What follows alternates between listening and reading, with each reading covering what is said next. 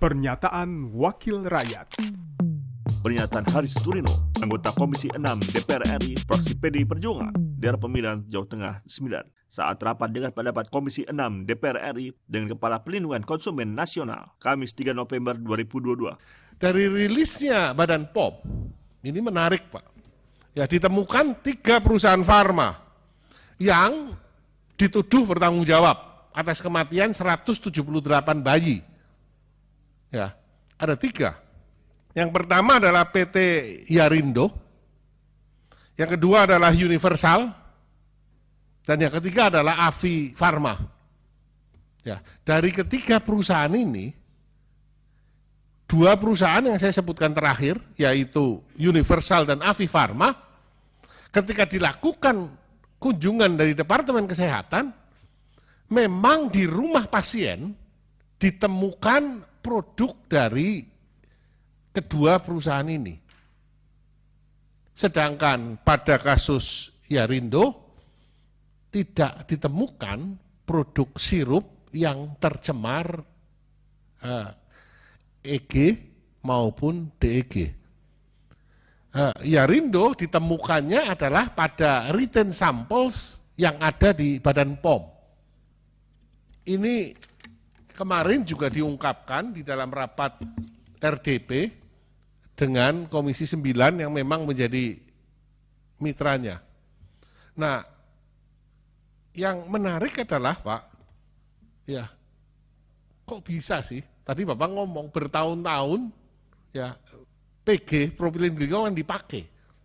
E, bertahun-tahun dipakai kok baru sekarang e, muncul. Jangan-jangan sebelumnya memang murni PG.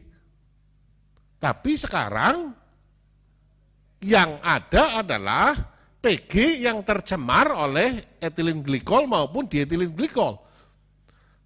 Karena perbedaan harga yang cukup nyata. Harga PG itu kira-kira sekitar 34-36 ribu per kilo. Sedangkan harga etilen glikol hanya 7-8 ribu per kilo. Kemasannya pun berbeda Pak. Saya berasal dari latar belakang, tadinya saya di perusahaan chemicals, Kemudian saya di perusahaan farmasi. Jadi sedikit banyak saya tahu tentang ini. Kalau PG itu kemasannya 215 kilo, kalau etilen glikol 225 kilo. Jadi kalau kemudian misalkan ada oknum yang nakal, yang mencampur ini, itu keuntungannya cukup besar Pak. Dari selisih harga saja, itu keuntungannya bisa 5 juta sampai 7 juta dengan melakukan mixing ini. Karena saya yakin tidak ada satupun perusahaan farmasi Indonesia yang dengan sengaja menggunakan etilen glikol bunuh diri kalau dia pakai itu. Ya, tidak mungkin. Tapi dia membeli dari suppliernya dan kemudian suppliernya ini yang nakal. Kalau kita lihat dari rilisnya Badan POM, ini kan suppliernya dari Thailand, Do Chemicals. Ini saya tidak tahu apakah kepolisian Indonesia nanti mampu menelusuri uh, cemaran ini, sengaja mixing ini dilakukan di luar negeri atau di dalam negeri. Ada ada katakan uh, distributor nakal yang melakukan hal ini. Nah celakanya barang ini adalah kimia umum. Ya, sehingga izin impor dan segalanya ada di Departemen Perdagangan. Sehingga penyelesaiannya tidak bisa murni di uh, Kementerian Kesehatan dan Badan POM. Ini di uh, Kementerian Perdagangan, di perindustrian. Ya. Menurut saya Pak, BPKN yang perlu diwaspadai sekali adalah bahwa pelarut ini juga dijual kepada industri makanan. Dan industri makanan itu size-nya berpuluh ratus kali lebih gede dibandingkan dengan industri obat.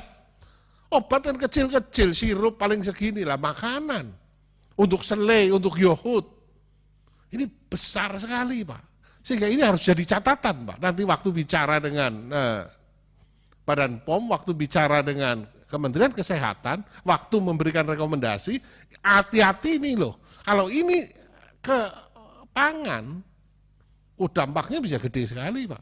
Pernyataan Haris Turino, anggota Komisi 6 DPR RI, fraksi PDI Perjuangan, daerah pemilihan Jawa Tengah 9, produksi TV dan radio Parlemen Biro Pemerintahan Parlemen Sekjen DPR RI.